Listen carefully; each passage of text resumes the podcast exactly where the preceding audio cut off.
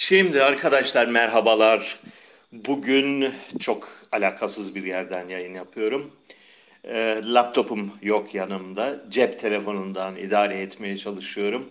Onu da çok iyi başaramıyorum galiba. E, şeyleri e, okumakta zorluk çekiyorum. Soruları. O yüzden biraz hayal kırıklığına uğratacağım sizi bilmiyorum.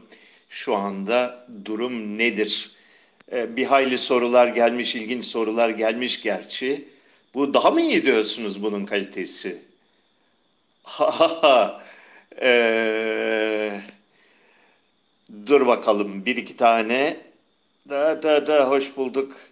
Nasılız? Şey kalite nasıl? Yayın kalitesi nasıl? Daha iyi, görüntü iyi, ses iyi, ses kalitesi daha iyi. Hayret bir şey. Peki demek ki laptop o kadar iyi olmuyor. Böyle cep telefonundan daha iyi olacak.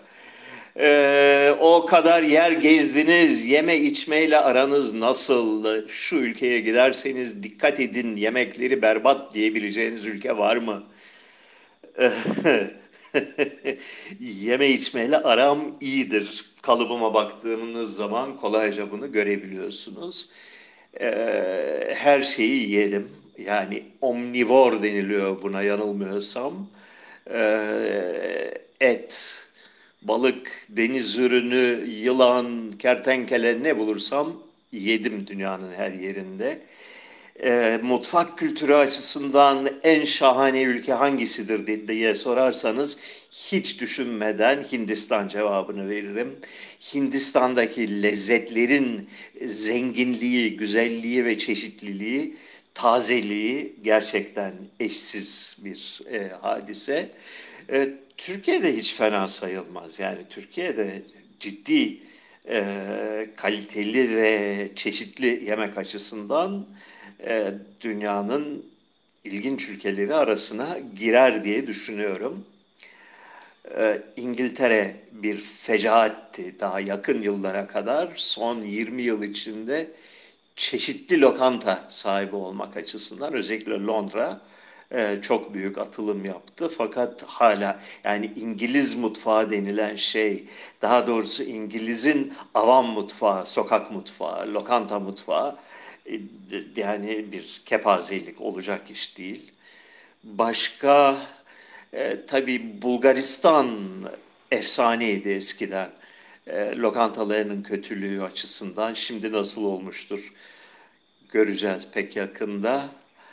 E, Meksika çok iyi buna karşılık Kolombiya, Peru, Ekvador beş para etmez. Brezilya zengin filan falan. Ee, şu ülkeye giderseniz yemekleri berbat diyebileceğim yer. Ya gittiğinizde görürsünüz zaten. Ne diyeceğim ki?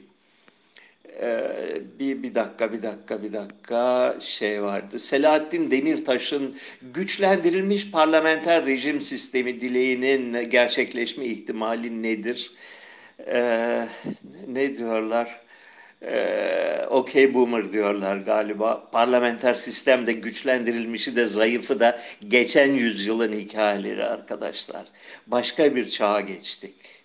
Ee, parlamenter sistem e, daha daha önceki çağın yani 1700'lerin icadı olan, 1700'lerin koşullarına çok uygun olan e, o zamanın ön yargılarıyla ve o zamanın sosyal koşullarıyla orantılı olan bir sistem idi.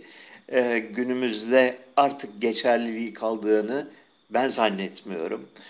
Ee, Amerika gibi ülkelerde sadece özel çıkarların ve lobilerin temsil edildiği bir pazarlık meydan çarşısına dönmüştür parlamento. Ee, Türkiye gibi başka birçok ülkede e, işlevini kaybetmiştir. Çünkü basit bir gerçek var.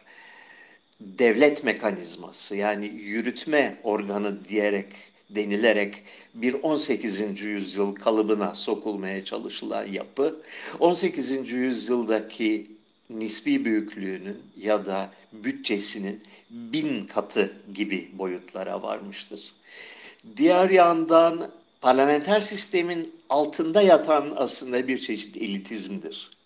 Parlamenter sistemin altında e, yüksek kültür sahibi ve dolayısıyla kendini şahsi çıkarlarıyla ya da grup çıkarlarıyla değil, ülkenin çıkarlarıyla özdeşleştiren bir grubun, bir kesimin, bir sınıfın varlığını varsayar. Yani e, aydınlar diyelim yahut da durmuş oturmuş arkadaşlar. Yani aç olmayanlar, e, para kazanmak, milletin anasını şey yapmak dışında kaygıları olan e, bir zümre vardır. Bunlar kendi aralarında konuşurlar, pazarlık ederler, tartışırlar, fikirlerini değiştirirler, birbirlerini ikna ederler ve ülke için, ülke yararına en doğru olan şeylere karar verirler. Arkadaşlar artık o dünyada yaşamıyoruz. Öyle bir sınıf insan yok. Ee, partiler sisteminin getirdiği teknikler ve mekanizmalar gerçek bir pazarlığı ve gerçek bir fikir teatisini imkansız hale getirmiştir ve her halükarda devlet aygıtı o derece devasa, o derece uzmanlaşmış, o derece kontrolü imkansız bir mekanizmaya dönmüştür ki 400 ya da 500 kişinin oturup dört yılda bir oraya gelen, konuların iç yüzüne vakıf olmayan, hepsi taşranın bir takım avukatlarından ve e, küçük iş adamlarından oluşan bir heyetin e, devlet mekanizmasını kontrol edebileceğini, bütçeyi gerçek anlamda belirleyebileceğini düşünmek hayal aleminde yaşamaktır. Yeni mekanizmaların kurulması gerekmektedir. Yeni bir çağa girdik. 20. yüzyılın, 19. yüzyılın, 18. yüzyılın konseptleriyle artık e, tartışılabilecek, hedef gösterilebilecek bir şey yok. Onun için güçlü bir parlamenter sistem talebi ki son günlerde çok sık duyulmaya başlandı ne istediğimizi bilmiyoruz. İyi bir şey istiyoruz ama şimdiki durum çok kötü, daha iyi olsun. Herkes konuşsun, serbestçe fikirlerini söylesin, parlamento karar versin, halkın iradesi ortaya çıksın diye bir saçmalıktan ibarettir. Bir zevzeklikten ibaret. Ne istediklerini bilmiyor arkadaşlar. Dur bakalım ne oldu. Çok mu dalga geçtim? Çok özür dilerim. Gözlüğümü çıkarmam lazım. Öbür türlü e, şey yapamayacağım. E, dur bakalım. Hmm.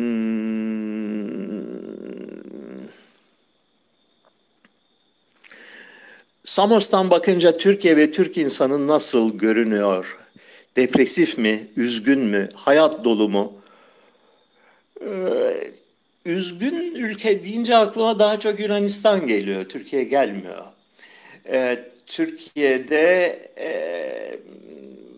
eski zamanın seçkin azınlığı yani diplomalı azınlık e, derin bir depresyon içinde ülkeyi el, elden kaybetmiş olmanın getirdiği sıkıntıyla karşı karşıya. Ee, geri kalan kısmının duygu ve düşünceleri nedir bilmiyorum samimi olarak bilmiyorum. Yani e, Türkiye'de olduğum sürece e, Türkiye'de halk tabakasıyla en azından Ege bölgesinin e, esnaf ve işçi sınıfıyla e, yakın temastaydım. Bir hayli e, kulak dolgunluğuna sahiptim. Çok uzak kaldım. Yani onları sosyal medyadan da izleyemiyorum. Türkiye'de gerçekten e, halkın duygu ve düşünceleri nedir? e, kestiremiyorum mesela. Ayasofya'nın cami olması nedeniyle herkes bayram mı ediyor? Benim tanıdıklarım ve izlediklerim dışındaki herkes yani 83 milyonun 82,5 milyonu bilmiyorum. E, fakat her halükarda bir e, depresyondan ziyade Türkiye'de bir kontrolden çıkmış bir şiddet eğilimi görüyorum. Bir e, kudurmuşluk hali görüyorum. Ee, herkes hakikati keşfetmiş olmanın, engin e, özgüveni içinde. Buna sağcılar, solcular, e, reisçiler, muhalifler, Cumhuriyet Halk Partililer, e, feministler, zeministler, eşcinselciler herkes dahil. Herkes hakikati keşfetmiş. Yani hiç e, en ufak bir kuşkuya yer kalmamış. Ve bu hakikati henüz keşfetmemiş olan 10 milyonları veya 100 milyonları e, kim kesecek, ne zaman kesecek, onlar nasıl ortadan kalkacak ki biz hepimiz Türk milleti olarak huzura kavuşalım sorusuyla e, karşı karşıyalar. İlginç bir soru bu tabii çünkü bakıyorsunuz e, kültürlü olanlara, batıcı olanlara, solcu olanlara, Marksist olanlara, ilerici olanlara, çevreci olanlara, e, koronacılara, korona karşıtlarına, reisçilere hepsi de çok emin görünüyorlar. Yani kötüler var, çok kötüler var. Çok feci derecede, sosyal olarak tahammül edilmez derecede kötü sınıflar, zümreler var. Onları yok etmekten başka çare yok. Onlar yok olunca memleket huzura kavuşacak. Mesela o kadar çok sık, o kadar çok insandan bunu bunu okuyorum ki yani Müslümanları yok etmek lazım değil mi? Bunlar artık e, gemi azıya aldılar, e, korkunç bir boyuta vardılar. Bunları yok etsek o zaman Türkiye nihayet muasır medeniyet e, seviyesine doğru e, büyük bir hızla ilerlemeye başlayacaktır. Kardeşim ne diyorsun diye soran pek çıkmıyor anladığım kadarıyla. Ee, Allah sonunuzu hayretsin demekten başka bir şey gelmiyor elimizden. Ee, Karadeniz gazıyla ilgili bir soru vardı kaçınılmaz bir şekilde. Valla bana asıl işin asıl püf noktası gözden kaçırıldı gibi geliyor. Yani e, Olay bana feci surette Süleyman Şah Türbesi'ni hatırlatıyor. Türkiye neden Karadeniz'de birdenbire gaz keşfetti? Bu gaz 15 seneden beri biliniyordu orada gaz olduğu. Defalarca biliniyordu. Yani bilinen bir şeydi. Bunun çıkarılabilir bir gaz olmadığı da bilinen bir şey. Yani asları yüzünden pahalı. Yani Karadeniz'den gazmaz çıkmayacak. Var orada mutlaka rezervde. Yani her rezerv var diye çıkarılacak diye bir kural yok. E, ya asları yüzünden pahalı çünkü.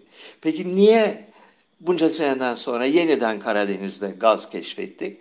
Çünkü hatırlarsanız daha geçen haftaya kadar Akdeniz'de gaz keşfediyorduk. Akdeniz boka sarınca Karadeniz keşfedildi. Çünkü çıkıp da yani Akdeniz'de bir maceraya giriştik. Yedi düvele meydan okuduk. Yedi düvelde e, Bayan Merkel vasıtasıyla bana bir telefon ettiler. Dediler ki abi ayağını denk al. Çok fena sikeriz seni dediler. Bunun üzerine biz Akdeniz'den vazgeçtik. Şimdi bunu halka söyleyemezsin bu şekilde. Bu şekilde söylediğin zaman çok fena rezil olursun. O zaman ne dersin? Aha Karadeniz'de gaz keşfettik. Müjde müjde. Ee, Süleyman Şah hadisesinde de öyle olmuştu biliyorsunuz. Süleyman Şah ta Suriye'nin içlerinde bir yerde bir türbeydi Türkiye'ye ait olan yani bir e, bir uluslararası antlaşmayla e, hakimiyeti Türkiye'ye verilmiş olan ve içinde işte bir ufak bir e, jandarma garnizonu bulundurulan bir türbe vardı.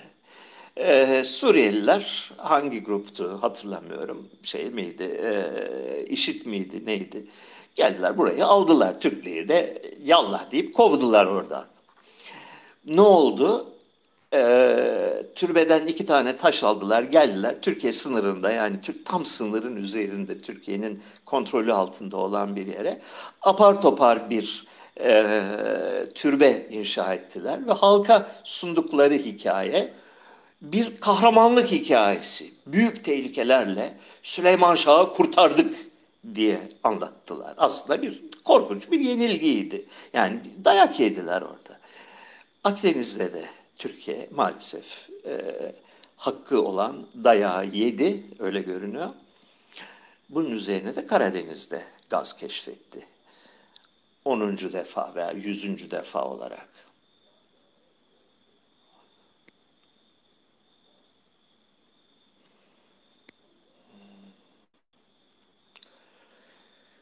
Kalite iyi, kamerayı düzeltin nasıl olacak bilmiyorum. Allah Allah. O zaman biz bundan böyle cep telefonuyla mı yapacağız bu işi?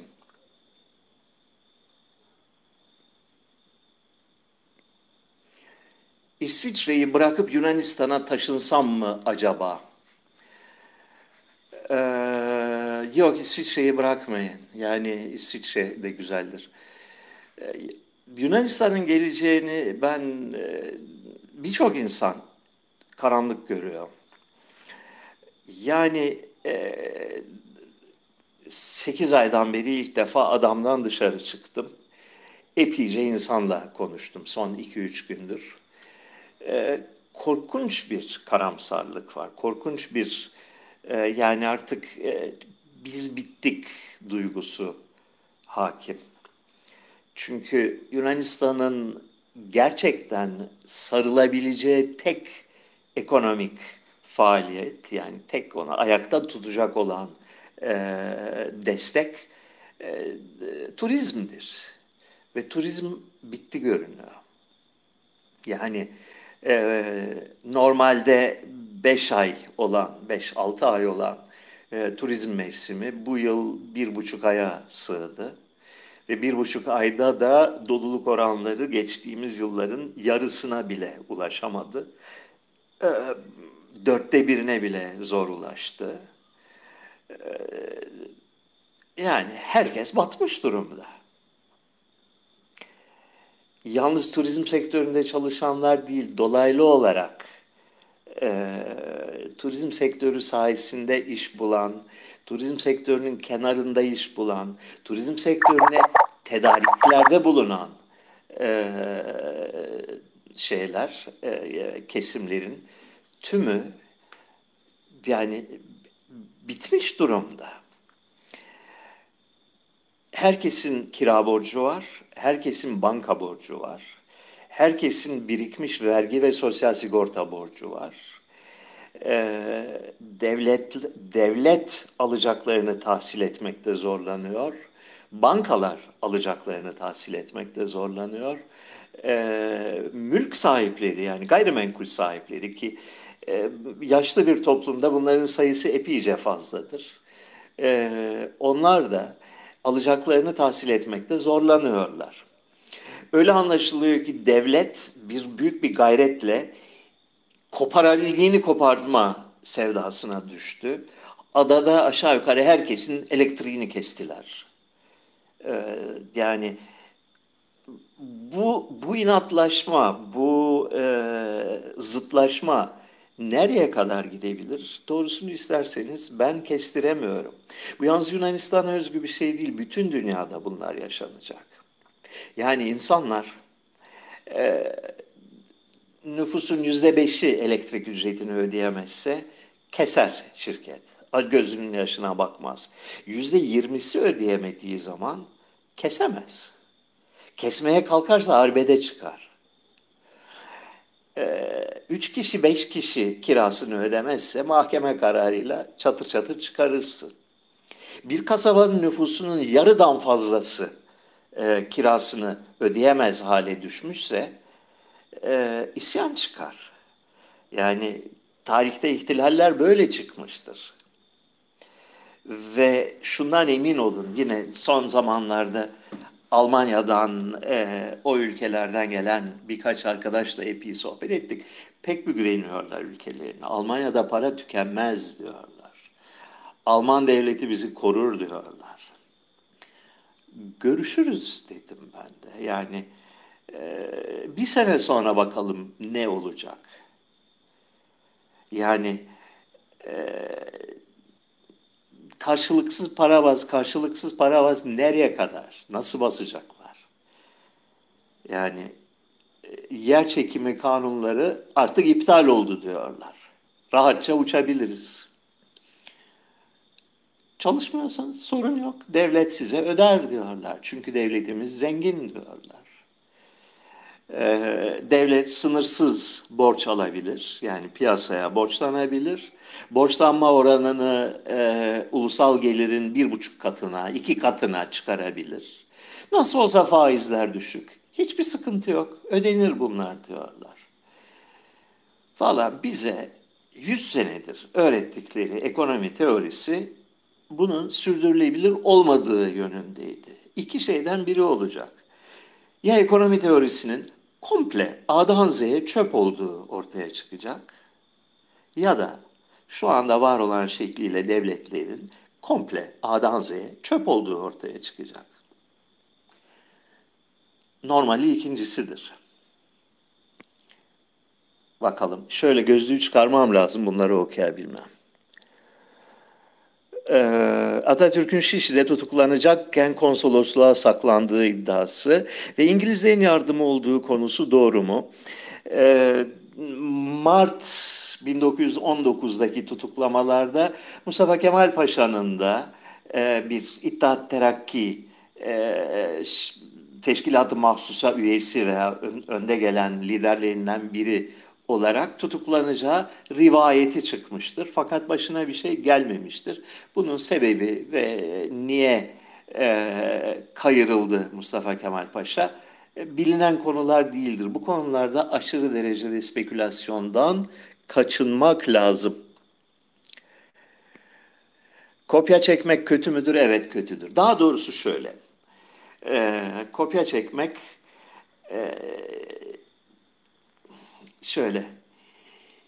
Sistem çürümüşse, sisteme hiçbir güven kalmamışsa, sistemin e, sistem sizin düşmanın haline gelmişse kopya çekmekte, e, öğretmene pandik atmakta bunlar son derece normal hatta hak doğru olan şeylerdir. E, gerçek bir eğitim sistemi varsa yani e, vicdanen kabul edilebilir bir eğitim sistemi olması için e, kopya çekmenin çok büyük suç sayılması lazım. Ancak kopya çekmek çok büyük bir suç sayılıyorsa o zaman orada e, gerçek anlamda bir eğitim sisteminden söz edilebilir. E, biz tabii ilkokulda, ortaokulda e, bildiğiniz Türk ve Ermeni okullarında okudum ben. İlkokulu Ermeni okulunda, ortaokulu Türk okulunda okudum. Tabii ki kopya çekmek bizim en büyük keyfimiz, en büyük zevkimizdi. Yani bu öğretmene karşı bizim e, zekamızı, üstünlüğümüzü, becerimizi kanıtlama yöntemiydi. E, liseye gittiğimde Robert Kolej'e şoke olduk. Çünkü ilk kez karşımızda ciddi anlamda saygı duyacağımız hocalar vardı. Yani bayağı saygı duyuyorsun adama. Yani bir kaşını kaldırıp ya Sevan bunu senden beklemezdim dediğinde yerin dibine geçiyorsun, mahvoluyorsun. Çünkü onun gözüne girmek istiyorsun. Çünkü iyi bir insan. Değerli bir insan, kaliteli bir insan. Ve o zaman orada gördük ki yani bu adamların gözünde kopya çekmek korkunç bir suç. Her şeyden daha büyük suç. En büyük suç. Ee, ahlaksızlık, namussuzluk olarak görüyor. Diğerlerine karşı çok büyük bir haksızlık olarak görüyor. Ee, önce tabii mırın kırın ettik. Yani direndik buna. Ya bir spordur bu arkadaşlar. Bu bizim milli sporumuz e, diye anlatmaya çalıştık. Sonra yavaş yavaş farkına vardık ki onlar haklıymışlar. E, gittiğim üniversitede yani Ivy League üniversitelerinde genel genel kural şudur. E, adi suçlar işlesen normal olarak üniversite seni destekler. Arkanda durur. Avukat bulur.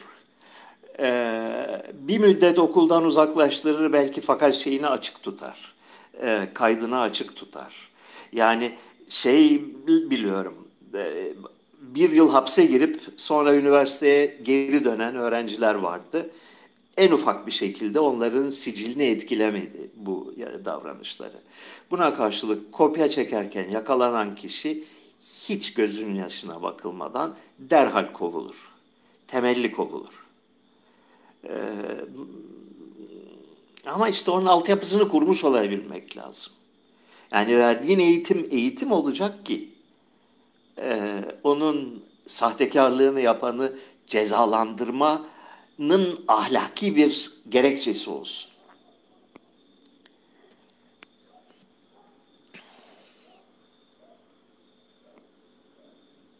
Gayet iyi İngiliz mutfağı kıskançlık etme demiş prawn cocktail.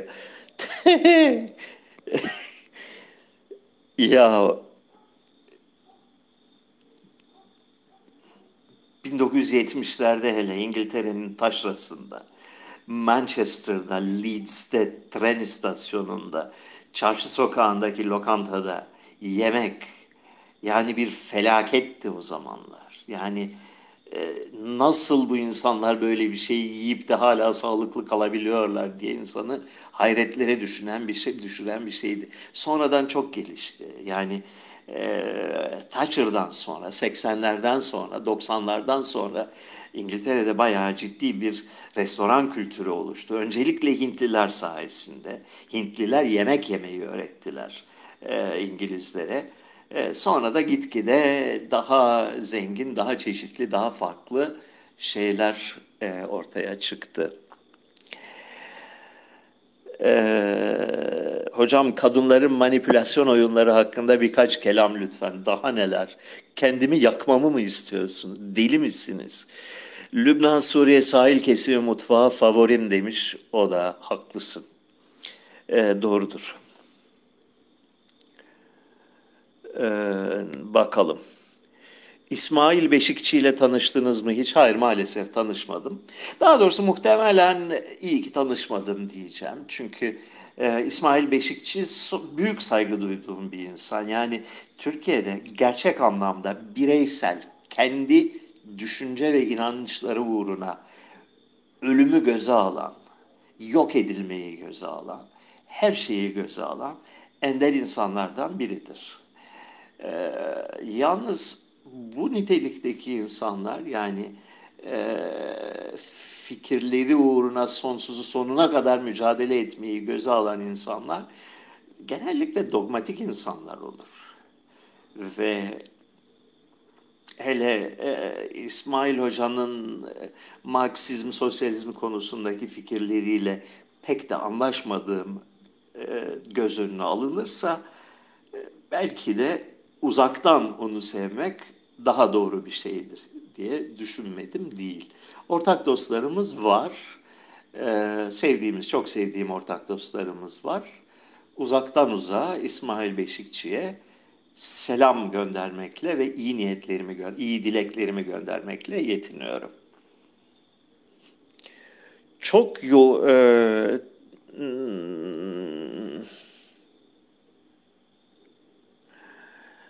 Liboşlarla beraber senelerce askeri vesayet masalı anlatıp FETÖ ve SKP ile TSK'yi bitirdiniz. Şimdi de meclis bitti işe yaramıyor diyorsunuz demiş kafasızın teki.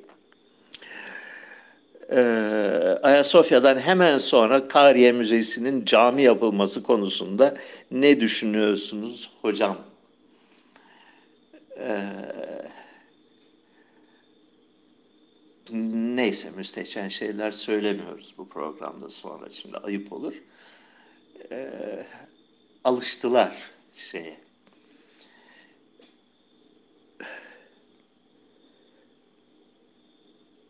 Keşke bir dakika çok fazla yazı geliyor. Aman Allah'ım tonlarca tonlarca tonlarca yazı şey gelmiş, yorum gelmiş. Yani yetişmeme imkanı. Dünyanın en iyi mutfağı açık ara Türkiye mutfağı. Bunu yurt dışında yaşayanlar anlar. Yok bu kadar ileri gitmeyeceğiz. Dünyanın en iyi mutfağı değil fakat e, zengin bir mutfak. Çok e, çok çeşitli, çok varyasyonu olan. Hele hele şu önemli. Yani iki şeyi ayırmak lazım. İnsanların evinde yedikleri başka bir şey. E, kamusal alanda elde edilebilir olan lezzetlerden söz etmek lazım. Yani e, orta boy bir şehirde aç kaldığında nereye gidersin? Kaç çeşit şey var? Her gün aynı şeyi yemekten bıktığında gidebileceğin alternatiflerin sayısı nedir? E, ucuz, taze, lezzetli olarak e, işte bir gün pizza, bir gün e, ev yemeği, bir gün mantı, bir gün Güneydoğu mutfağı, e, bir gün Karadeniz mutfağı, bir gün çorbacı, bir gün işkembeci yapabiliyorsan oldukça zengin bir yerdesin demektir. Mesela Yunanistan bunu defalarca da söyledim. Alınmaca, güven, e, gücenmece yok. Restoran kültürü açısından yani restoranların sevimliliği, içtenliği, temizliği, e, yediğin yemeğin güvenilirliği, servisin güler yüzü açısından dünyada bir numara. Yani hiç kimseyle e, şey kıyaslanamaz. Buna karşılık yemek çeşidi açısından ya Allah göstermesin. Yani kör tuttuğunu ben, beller bütün Yunanistan'ın bütün e, menüleri zannediyorum dört sayfaya sığdırılabilir. Onun da dışında bir şey yok. Ha, Atina'da vardır tabii Atina metropol ama Atina bizim için yabancı bir ülke gibi bir yer. Yani Samos'tan baktığın zaman Atina oho Masis Kürkçügül anılarımı anlatmayacağım. E, Masis Kürkçügül çok değerli bir adamdır. E, çok kavga etmişliğimiz vardır. E, ilginç koşullarda kavga etmişliğimiz vardır. E, saygım var kendisine.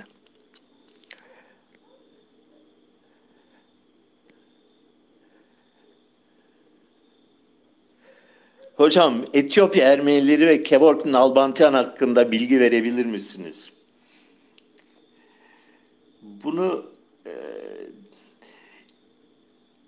Etiyopya'da 1970'lere dek bayağı ciddi bir Ermeni şeyi varmış, cemaati varmış. Yani sayıları on binlerle ölçülen e, merkezde e, yani belli toplumda belli bir yer tutmuş büyük bir e, Ermeni toplumu varmış. Bu Ermeni toplumu e, e, monarşinin devrilmesi, ondan sonra onların yerine gelen komünist rejim zamanında darma duman olmuş. Çok acı deneyimler yaşamış. Birçoğu hayatını kurtarabilen kaçmış memleketten. Şimdi çok az kalmışlar. Ama hala şu işleve sahip olmuşlar tarihte. Ee, Avrupalının tenezzül etmediği, yerlinin ise beceremediği ne kadar iş varsa mesela otomobil tamirciliği ve yedek parça ticareti, matbaacılık, müzik organizatörlüğü ve eğitimi, e, turistik suvenir eşya imalatı, gazetecilik, gibi pek çok işi Ermeniler yapmışlar e, şeyde. Hala da otomotiv sektörü tamamıyla Ermenilerin elinde. E, bunlar 1890'larda Türkiye'den göçen Ermeniler. E, bizim Ermenicemiz yani Batı Ermenicesi konuşuyorlar. Bir hayli de fasih, güzel konuşuyorlar. İstanbullu gibi konuşuyorlar Ermeniceyi. Georg Nalbandian hikayesi şu.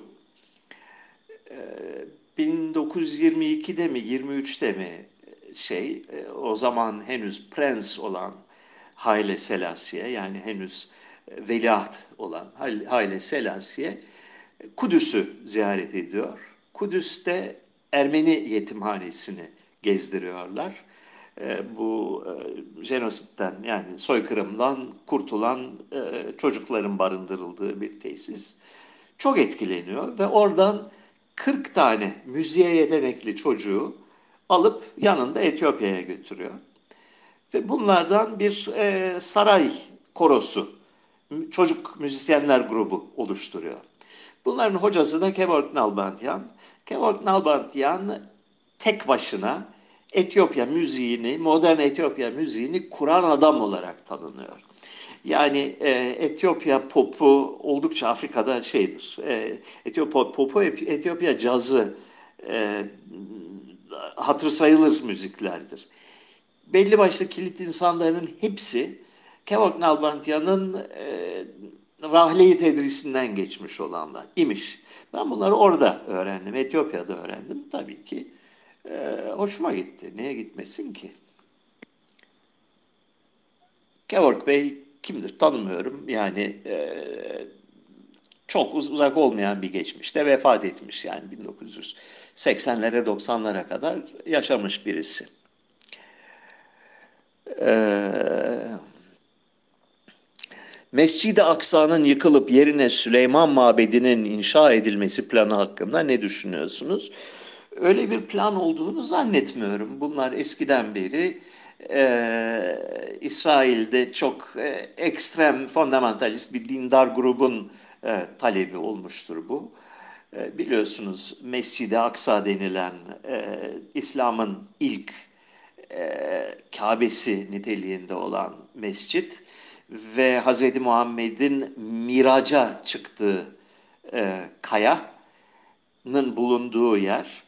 E, Tevrat'ta anılan ve dünyanın en kutsal, en önemli, en temel tapınağı olan Yahudi dininin Kabe'si niteliğinde olan Süleyman Tapınağı'nın bulunduğu yerdedir. E, dindar Yahudiler bu yere girmeyi reddederler. Çünkü e, eski Süleyman Tapınağı'nın tam olarak bulunduğu nokta belli değil. Büyük kale, kale içi gibi kocaman bir kapalı bir alan bu.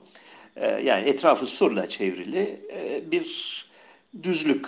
Geniş bir düzlük içinde işte bir cami bir de kubbe bir bina var. Bir iki tane daha ufak bina var. Böyle bir yer.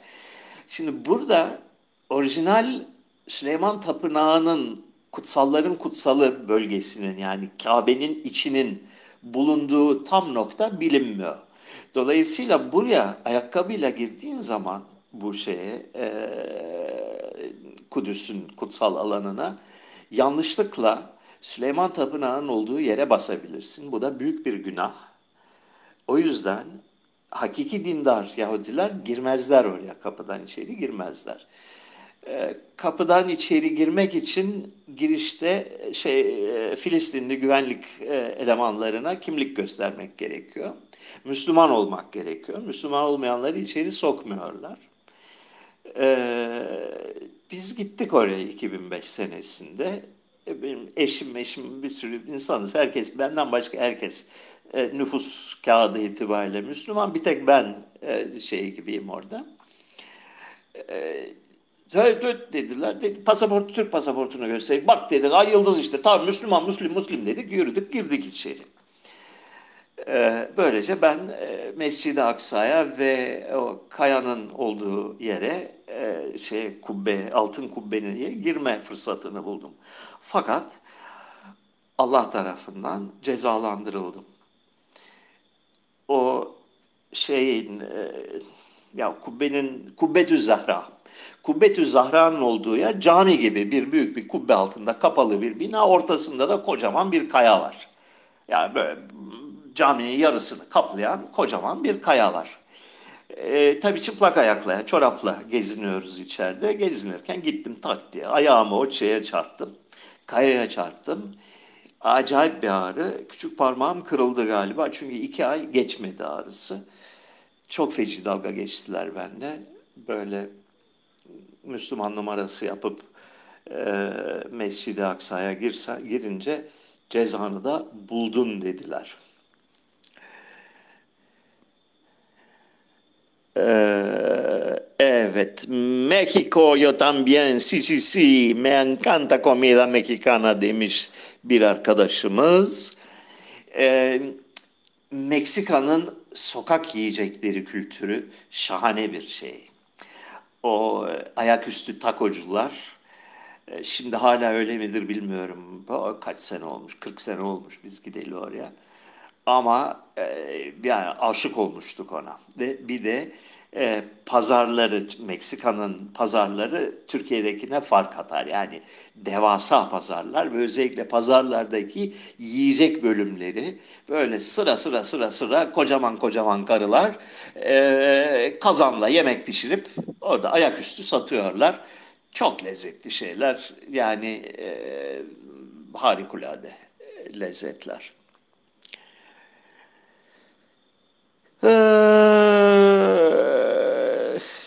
Türk olduğumu anlarlarsa Giros'a tükürürler mi? Saçmalama Allah aşkına ya. Allah aşkına ya. Ee, yani Türk turisti çok seviyorlar Yunanlılar. Özellikle bizim adalarda e, Türk turist başın üstünde yani çok e, saygı görüyor. Çünkü Türk turist yani, iyi, iyi Türkler geliyor Yunan adalarına. Yani belli bir kalitenin üstünde olan insanlar geliyor. Ve e, yani Yunanlı açısından Almandan, İskandinav'dan çok daha sempatik insanlar, çok daha kendilerine yakın insanlar. Daha önemlisi şu, yemeği içmeyi biliyorlar. Alman gelir, bir bir suvlaki ile bir Yunan salatası ısmarlar. Bütün gün onunla şey yetinir ve kuruşları sayar. Türk gelir sofrayı donatır. O günün en pahalı balıkları hangisiyse onları getirtir. 40 çeşit meze söyler iki şişe rakı bitirir. Ee, ufak tefek şımarıklıklarına da göz yumulur genellikle.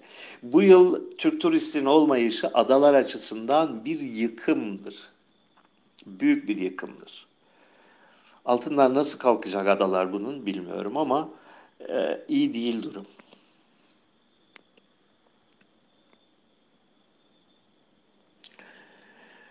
Ee, kendi kendine dil bilime başlamak isteyen biri için hangi kitapları önerirsiniz? Nasıl bir yol yordam önerirsiniz? Defalarca kitap önerileri yayınladım. Yani e, son yıllarda gerçekten çok kaliteli, çok iyi e, ve orta seviyeye hitap eden yani hem ciddi bilimsel altyapısı olan hem de popüler bir dille yazılmış olan çok sayıda çok güzel kitap çıktı dil tarihine ilişkin.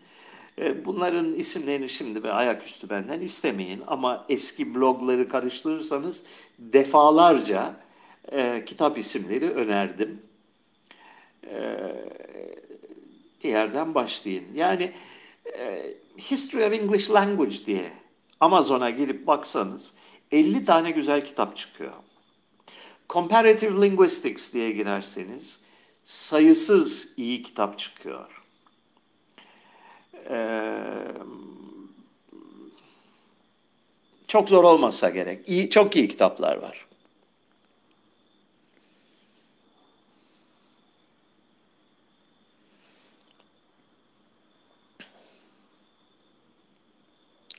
Sevan Hocam, insanlık neden bu kadar farklı dillere ve dil ailelerine sahip?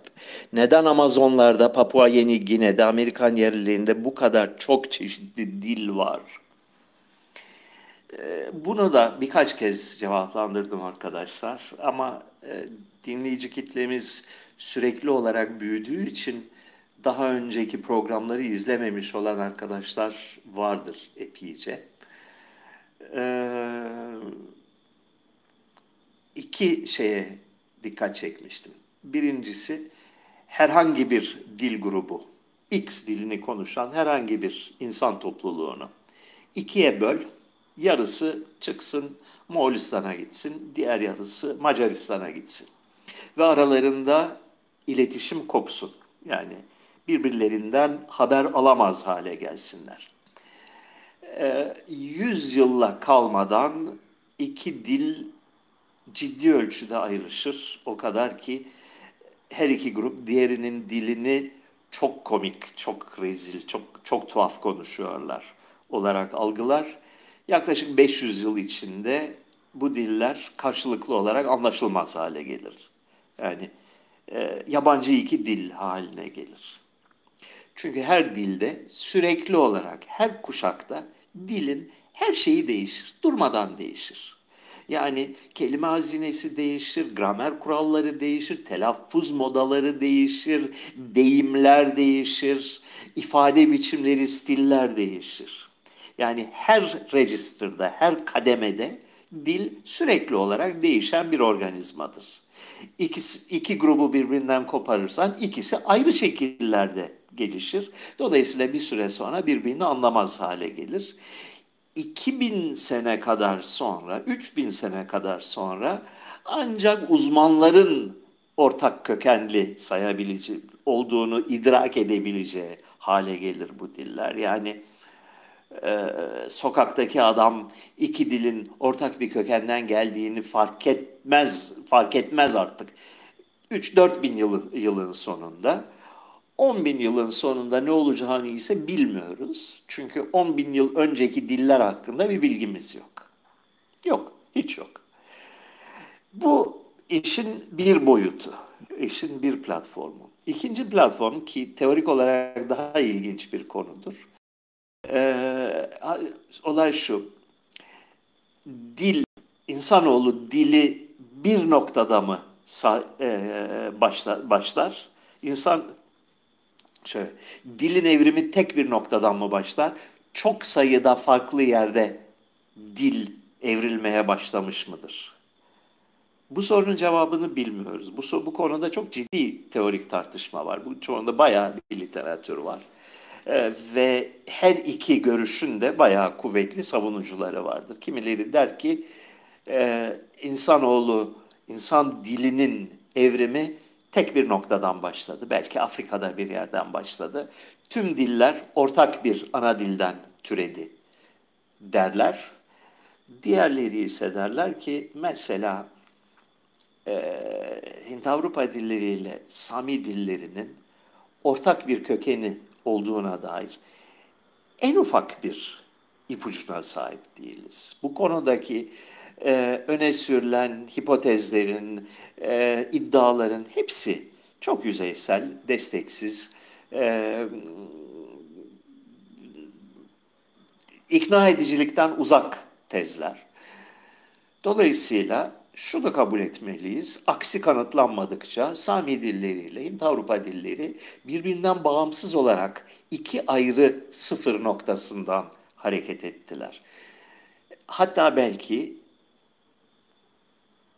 yüz bin yıla yayılan bir süre içinde çok farklı tarihi dönemlerde birbirinden bağımsız olarak dünyanın farklı yerlerinde insanlar dil alemine ayak bastılar. Ee, bu ilginç bir teoridir. Ee, sonuçları bakımından, e, teorik altyapısı bakımından çok ciddi, e, bambaşka bir bakış açısı gerektiren bir iddiadır. Ama bir iddiadır sadece, bir tezdir. Ee, dolayısıyla A diyoruz, diller evrildiği için birbirinden uzaklaşırlar, birbirinden farklılaşırlar birbirine neredeyse alakasız gibi görünen dillere evrilirler. İkincisi bütün bu çeşitli diller tek bir noktadan türemiş olabilirler, birçok noktadan türemiş olabilirler. Bu sorunun da cevabını bilmiyoruz.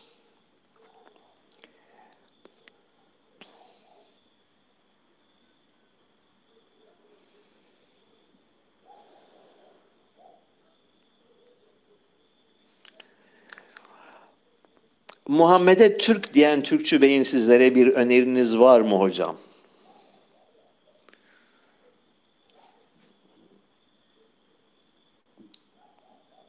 Davranış ve ahlak bakımından Türk'ü andırıyor gerçi. Bu, bu, bu bir gerçek. Ee, insanlar masallara inanmaya karar verdikten sonra onlara yani şu masalın diğerinden daha palavra diye üstlerine varmanın bir manası yok aslına bakarsan. Yani masalsa masal yani. E, Türk de olabilir, Macar da olabilir. E, Macar milliyetçileri arasında da Hazreti İsa'nın Macar olduğuna ilişkin e, teoriler çok yaygındı bir dönemde 1930'larda e, insanlar bu noktaya varıyorlar. Yani bir kere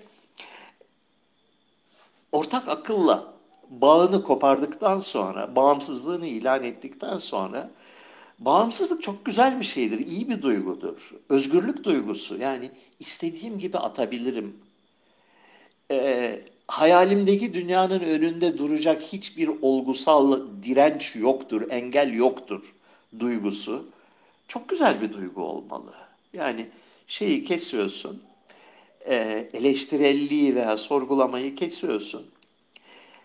Kalbine en çok hitap eden, seni en çok mutlu eden, e, anlatmak istediğin öyküyü en güzel anlatan olgularla dolduruyorsun dünyanı. E, şey kalkıyor, sürtünme gücü kalkıyor ortadan. Çekim gücü kalkıyor ortadan. Serbest uçuşa geçiyorsun. Ne kadar güzel bir şey. Keşke biz de yapabilseydik bunu.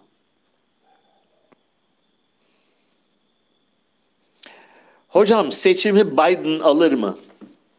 Yahu Biden hadisesi kadar acayip bir şey ben düşünemiyorum. Yani ne oluyor Amerika Birleşik Devletleri'nde?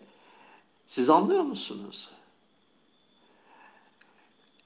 Ülke muhtemelen tarihinin en büyük ya da ikinci en büyük krizi anında.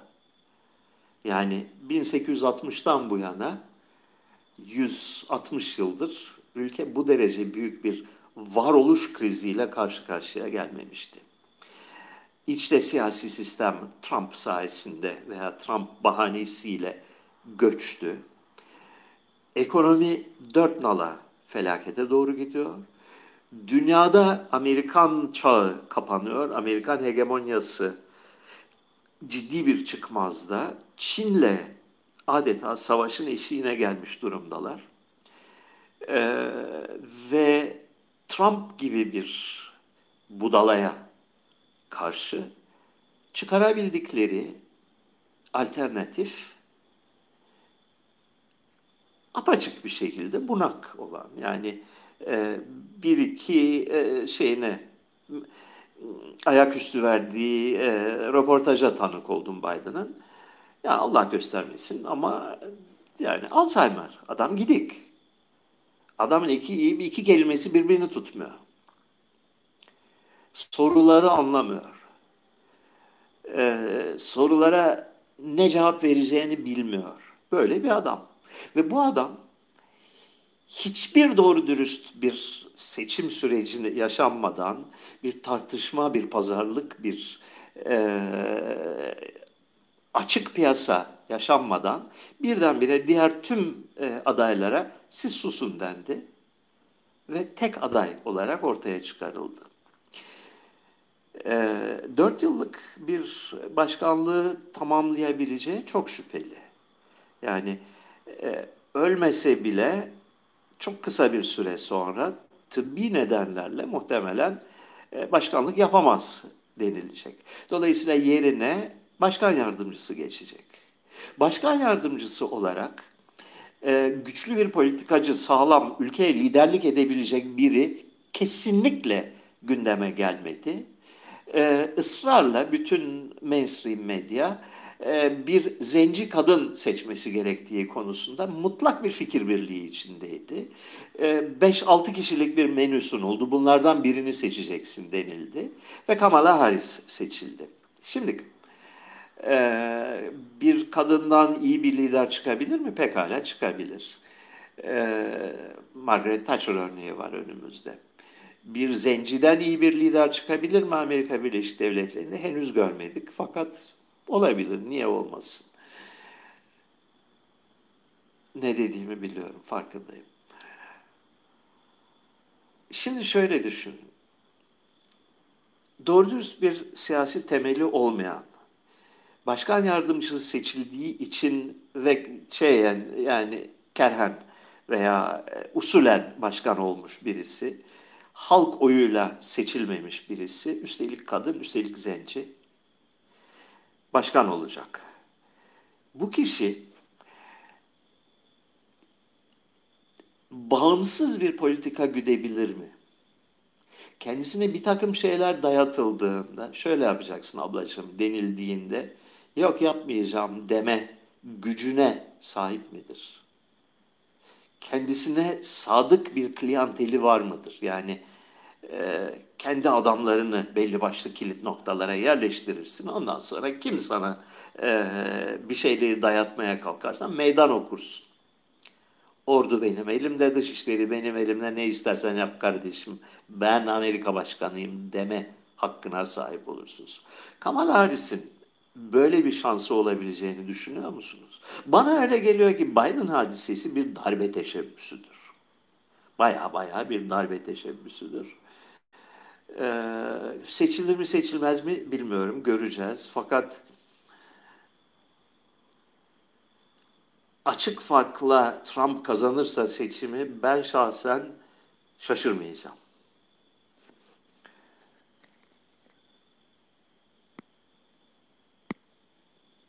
Neredeyiz bakalım.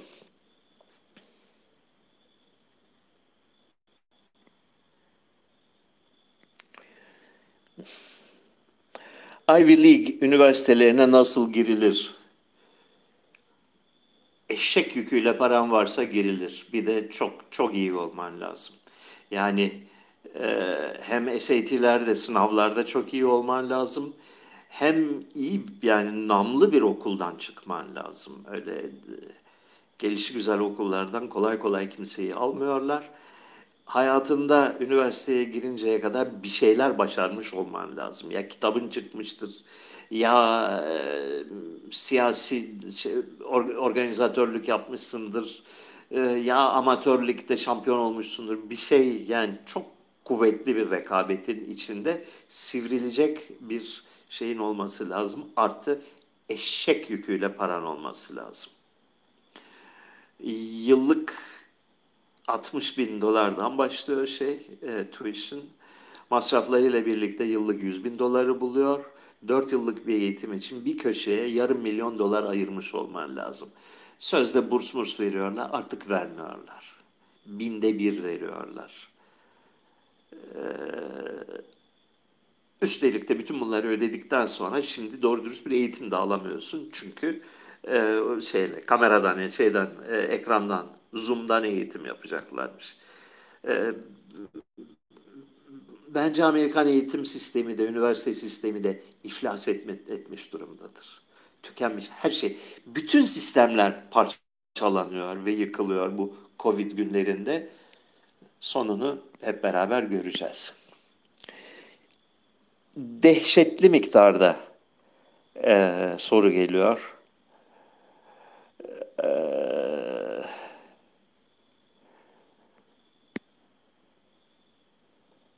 Hoca benim soruyu görmüyor mu acaba? Görmüyor. Feyzi inanılmaz miktarda soru geliyor. Yani böyle şey yap e, it it soruları sonu gelmiyor. Bak bak bak. Ha. Zoom'dan eğitime o kadar para verilmez. İslam İbrahimi bir din midir hocam ne bileyim ben. Sadrazam ile vezir-i azam arasında teknik olarak ne fark vardır hocam? Bildiğim kadarıyla yoktur. Sadrazam ve vezir-i azam eş anlamlıdır. İk, üç defa Osmanlı tarihi boyunca her iki unvan kaldırılıp başvekil unvanı denendi. Ee, bir şekilde yürümedi. Ee, tekrar tekrar sadr-ı azam kelimesine gerin geri gidildi. Minoalıların üst sınıf kadınları niye üstsüz giyinirlerdi diye sormuş Götan arkadaşımız e, bronz çağına ait yani milattan önce 1200 öncesine ait olan e, Knossos Sarayı'ndaki Girit'teki fresklerden söz ediyor. Öyle anlaşılıyor ki Girit Temo'da e, milattan önce 1200, 1300, 1500'lerde moda özellikle üst sınıf kadınların yani e, hanımefendilerin tüm güzellikleri sergilemesi yönündeymiş. Ee, çok medeni bir ülkeymiş Girit o zamanlar. Sonradan biliyorsunuz medeniyet geriledi. Ee, 1915'te gasp edilen Ermeni ve Rum paraları ve mücevheratı Alman bankalarına mı yatırıldı? Feyzi ne bileyim ben kardeşim. Yani nereye yatırıldıysa yatırıldı ya. Bana ne ya.